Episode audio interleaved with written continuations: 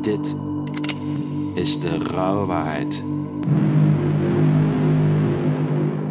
Aflevering 1 met mijn zoon de drugshandel in. In deze aflevering spreek ik met Drunu, een volksjongen die geen bad voor zijn mond neemt.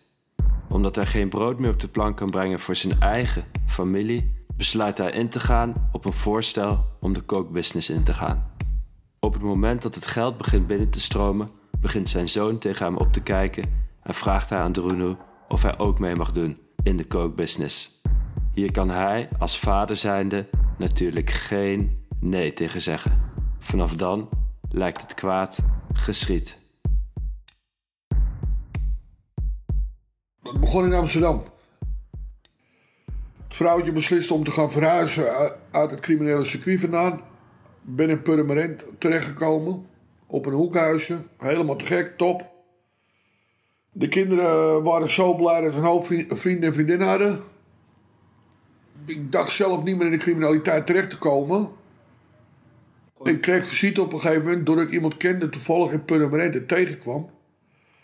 Die zei, oh, ik heb nog twee vrienden in de flat wonen. Zullen we een keer gezellig wat drinken? En wodka erbij, een biertje erbij. En uiteindelijk was het zo gezellig, die jongen de herdershond. Nou, daar was mijn vrouw alweer gek op, want ik had zelf ook een paar hondjes. Dus dat klikte allemaal. Zijn uit kaarten gegaan.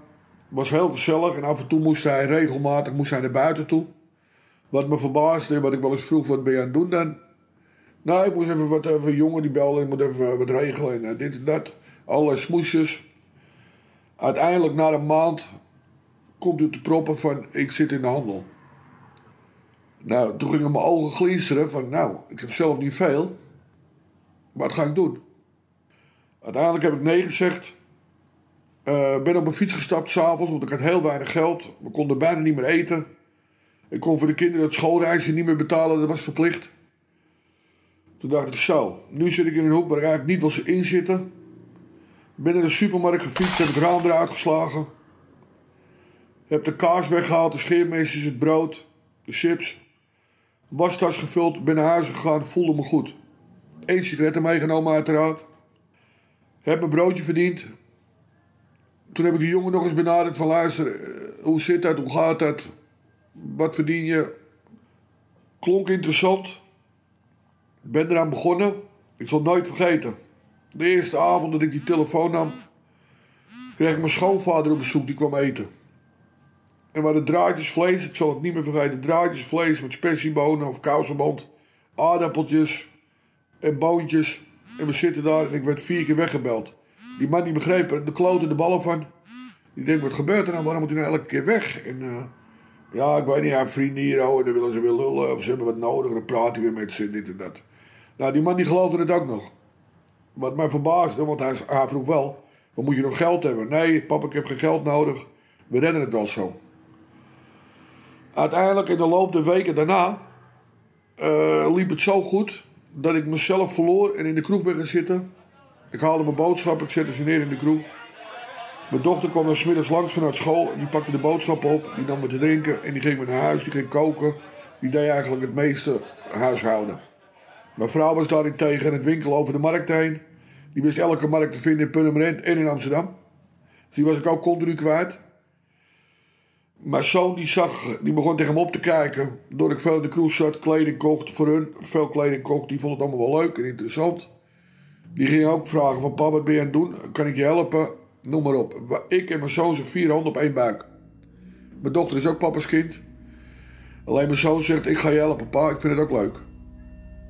Uiteindelijk eh, zijn zijn vriendjes en hij ook begonnen met het verkoop van de drugs. Niet te vergeten dat die jongen toen 15 jaar was. Eigenlijk de schoftige dat ik er zo over praat. Wat is me overkomen? Uiteindelijk moest ik mijn huis uit vanwege de drugsoverlast, buuroverlast, vechten, alles erop en eraan. Ik moest de woning verlaten binnen 24 uur. Alhoewel dat tranen met tuit heeft gekost, was er een goede vriend van mij. Die zei: Ik ga mijn woning uit, neem mijn woning maar. Uiteindelijk eh, ben ik doorgegaan met het verkopen van drugs, want anders kon ik het niet betalen. Mijn uitkering was inmiddels gestopt. Heb ik zeven, zes, zeven maanden gewoond in Volendam. Tot ik een hele zware inval kreeg. Ik zal vertellen, ik, ik, ik sliep heel weinig. Dat doe ik nog steeds trouwens. Uh, ik hoorde elke auto, die herkende ik. Aan de motoren. Ik lag die avond op. Ging om kwart voor vier naar bed toe, naar boven daar. En ik leg drie kwartier een uur en ik hoor twee rompende Mercedes'en en een BMW. 100%. Ik heb lekker luisteren, ze reden door, stopte op de hoek. Maar ik was zo vermoeid dat ik niet op kon staan, terwijl ik het normaal wel doe. Ben ik blijven leggen. Dat heeft een uur geduurd en toen was het bom, bam. Handen omhoog, zak over mijn kop. Klap in mijn knie gehad, omdat ik luisterde. Ik ben van de trap afgeduwd. Zag geen drempel natuurlijk. Ben half gevallen buiten. Geluk maar het ene agent zei van ik vang hem wel op. Anders had ik dus mijn nek gebroken, gebroken waarschijnlijk. Ben afgevoerd. En ik heb mijn uh, vrouw en mijn kinderen eigenlijk de eerste periode niet meer gezien. Ik heb 28 dagen op beperkingen gezeten.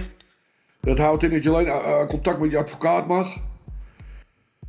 Toen ben ik ook 30 kilo afgevallen. Wat ik wel had daar in die cel, dat was een zak chips, een zak Haribo-beertjes, die je uit elkaar kunt trekken. En een half zakje drop had ik nog. Maar het water liep in mijn mond. Ik ben er afgebleven die 28 dagen. Omdat ik wist als ik het opmaakte, dan werd het nog erger. Mijn vrouw was inmiddels links afgeslagen. Die denkt, ik ga pik zoeken. Dat hebben ze inmiddels ook gedaan. Ik moet eerlijk toegeven ook, dat is heel kort, dat het buiten veiliger is als binnen in de gevangenis. Alhoewel mensen zeggen, het is net een hotel daar. Geen sprake van. Ik praat het tegen, want ik heb binnen heb ik een behoorlijk heftige tijd gehad. En mijn straf heeft vier jaar geduurd. Maar die klinkt nog door. Het is nu vier jaar terug, vijf jaar terug. Maar hij klinkt nog steeds als een bom. Slapeloze nacht af en toe er nog van. Mijn zoon was ook opgepakt, uh, inmiddels met de info. Uh, uiteindelijk heeft mijn zoon ook voor dealen, diefstal, geweld, oplichting, witwassen, net zoals ik zeg maar, is hij ook gestraft. Die heeft twee jaar gevangenisstraf gehad en twee jaar jeugd-TBS. Dus die heeft iets langer gezeten dan ik heb gezeten. Ik heb altijd in, in, het leven moeite gehad met de Marokkanen. Met allochtonen heb ik wel moeite gehad. Ik had wel bepaalde vrienden, dat klopt. Dus ik ben geen racist of wat dan ook. Helemaal niet, totaal niet. Die stempel die wil ik, zou ik nooit willen hebben. Ik vond het hun... Uh, binnen zijn de kinderen heel strak. Doen, voeren ze geen kloot uit. Want dan krijgen ze met die riem. Lopen ze naar buiten toe, ze trekken die buitendeur dicht. Zijn ze onhoudbaar, die klanten. Want papa en mama zien het niet. En dat vind ik wel een, treurige en een kwalijke zaak. En dat heb ik heel veel ervaren in Purmerend. Amsterdam ook trouwens binnen zit ik, uh, zat ik en toen kreeg ik weer de pest aan de allochtonen. Omdat ik uh, haast als enigste blanke, alhoewel met z'n drieën, waren dan twee junken en ik, met 37 man gemiddeld op een afdeling zaten. Ja, en dan krijg je groepen. En als je niet bij de groepen wil horen, omdat je voor je zoon gaat, want als je iets verkeerds doet, pakken ze je uh, bezoek met je zoon af en je belcontact. Dus daar paste ik voor, want ik ben alleen gekomen en ik ben alleen naar buiten. Zonder gelul. Uiteindelijk hebben ze, eh, omdat ik natuurlijk, ik was op dat moment was ik 45, zeg maar 4, 45. Waren er een paar jonge knapen en die waren mijn pest hebben, olie in mijn cel gegooid, zaken eroverheen. Er een die presteerde het om te poepen in een zakje om in mijn cel te gooien, mijn laakje open te maken. Gewoon een triest verhaal.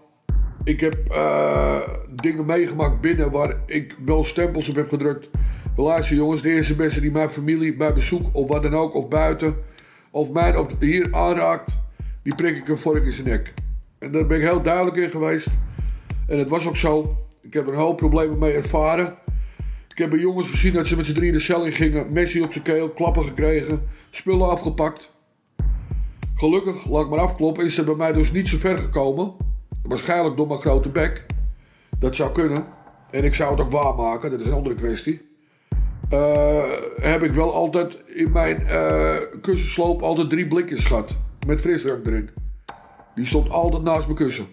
Als ze binnen zouden komen, zou ik slaan. Onherroepelijk. Alleen, ik heb zoveel meegemaakt en gezien daar. Dat echt, het is ongelooflijk hoe, hoe, hoe de diefstal en de drugs gewoon verder gaan in, binnen in de gevangenis. Dat is heel vreemd. Dat ze geen eh, orde op zaken stellen, zowat. Er zijn weinig bewaarders die orde op de zaal hebben. Maar dat erbuiten, uh, mijn zoon heeft die jeugd TBS. Is in zijn laatste periode is hij naar school gegaan omdat hij naar buiten was. Ik was inmiddels buiten. Hij mocht daar trainen, dat mocht hij buiten doen. Hij mocht naar school toe. Dus ik kon hem opzoeken en dat deed ik ook praktisch dagelijks. Dat was mijn, uh, dat ik buiten kwam, was dat mijn ding om mijn zoon en mijn dochter weer uh, het contact weer op te bouwen. Na een paar jaar gaat het niet makkelijk. Gaat moeizaam. Mijn dochter heeft er heel veel moeite mee gehad. Die heeft ook anderhalf jaar geen contact met me gehad toen ik in de gevangenis zat. Dat heeft heel veel tranen gekost. Heel veel brieven gestuurd. Ja, dan vragen jullie, ja, waar heb je die heen gestuurd? Want je was uit je woning gegooid. Ja, dat is waar. Maar die stuurde ik naar haar opa toe. Van, van de moeders kant, want daar heeft zij gelogeerd. Ik denk, dan komen de brieven wel terecht. Toen mijn zoon naar school ging, is hij voor boekhouder gegaan. Die heeft hij afgerond in Utrecht, een diploma gehaald. Na anderhalf jaar heeft hij besloten om een flatje te kopen. Uh, dat heeft hij gedaan. Uh, twee maanden later komt er een Marokkaanse jongen, vriend, komt bij hem langs. Die had ruzie thuis. Die heeft bij hem gelogeerd. Die zegt, ik ga veranderen. Oh, wat dan? Ik ga de Koran lezen. Mijn zoon kijkt hem aan die zegt, jij bent loco, jij bent gek. Uiteindelijk zit die jongen te lezen en mijn zoon denkt, hé, hey, naast hem van, oh, dat, dat is interessant. Heb het boek ook gekocht, is hem toch gaan lezen. Is tot inkering gekomen om te zeggen, ik ga me tot islam bekeren. Dat heeft hij gedaan.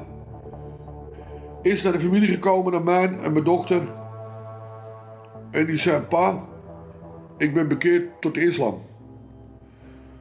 Nou, mijn reactie was als eerste dat, dat, dat ik bijna van mijn stoel af, uh, afviel. Dat ik denk, hoe krijg ik voor elkaar wat jij allemaal gedaan hebt om je nu te bekeren? Dat kon er even niet in bij mij en bij mijn dochter ook niet. Maar ja, ik heb geen geloof. Dus het was allemaal nieuw voor ons. Van hoe nu verder? Want meneer had tatoeages, een koopflat. En toen hebben we op de tafel gezeten en toen kwam hij met het eten. En toen zegt hij, pa, ik mag geen rente betalen. Waarop ik zei, waarschijnlijk was zaad, maar uh, er zit een, een jongen toch een zaad. Stop er anders mee, mee met die hele grap. Maar mijn zoon blijft kalm, blijft op me inpraten. Nee pap, dat kan niet. Uh, ik mag geen rente betalen, want dit, dat, zo, zo. Dus ik heb overleg met de moskee. Ik moet mijn huis verkopen. Oh, oké. Nou, niet leuk. En nu? Dan sta je op straat. Nee, want ik kom bij jou. Oh, ja. Maar, dan moet ik me gaan aanpassen aan jou. En dat is niet waar, waar ik zoveel zin in heb. Dus, ja, daar moet je compromis stellen. En ik ben een open kaart en een open boek. Dus ik heb de waarheid verteld hoe ik erover dacht.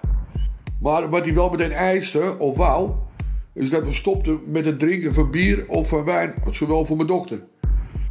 Dat was even slikken, dat was heel moeilijk. Uh, daar hebben we hele gesprekken over gehad. We hebben compromis gesteld. En we staan nog steeds versteld. Nu, drie, vier jaar later, staan we nog steeds versteld dat hij nog steeds om kwart over vijf zijn bed uitstapt om de eerste bid te gaan doen. En dat hij het heeft gelaten als wij drinken, dat we het wel ergens wegzetten. Niet dat het in zicht staat bij hem. Dat we even geen muziek draaien. En noem maar op. En schoenen uit. Ja, en halal vlees eten. Nou, dat was een hele omkeer. Dat hebben, daar hebben we het in het begin heel moeilijk en heel zwaar mee gehad. Uiteindelijk, via Facebook, op een geheim web- of Facebook-paginaatje, ik weet het niet, als sla dood, heeft hij een Marokkaans meisje ontmoet. Nou, dus dat klikte. Dus moet de hand gevraagd worden en noem maar op. Dat soort dingen allemaal erbij. Maar aan de andere kant ben ik erg trots op haar en op hem. Dat ik de andere kant nu heb bekeken en ik denk, ja. Misschien zou het voor mij ook wel wat wezen. Dus uiteindelijk zijn ze bezig met kinderen. En mijn dochter heeft kinderen. Het is alleen afwachten hoe het nu verder gaat met de zwangerschap tegen de islam kijk ik nu heel anders aan. eh, met het oog op dat ze een, ritueel leven. die een blanke niet zou kunnen volgen, vermoed ik. En het op zou kunnen brengen. Ik zie de islam heel positief in. Ik ben er ook trots op. Maar dat was niet mijn gedachte. Je hoort het wel vaker, die pleuris buitenlanders, dit, dat, zo, zo. En nu zou ik voor ze knokken. Ja. Ik, eh, ik ben nog niet in, de moskee, eh, niet in de moskee geweest. Ik ben wel op de trouwerij van mijn zoon natuurlijk geweest, uiteraard. Heb ik ook een shalabah gedragen. Uh, dat vond hij helemaal prachtig. Zijn vrienden, de familie. Ze vonden het een kick dat ik dat deed. Voor mijn zoon en voor zijn vrouw. Dat ik, ja... ik bloos niet gauw, maar toen heb ik even moeten blozen. Omdat iedereen je drie zoenen geeft en noem maar op allemaal. En je wordt in de armen gesloten. Nou, dat heb ik in een Nederlandse bruiloft nog niet meegemaakt wat daar gebeurt. En er wordt ook heel veel aan uitgegeven, want dat is hun dingetje. Ja, en ik mag er trots op wezen dat mijn zoon dat heeft gedaan eigenlijk toch wel achteraf. Ik ben trots op ze. Heb jij het lef en de gave om een soortgelijk verhaal met dit publiek te delen?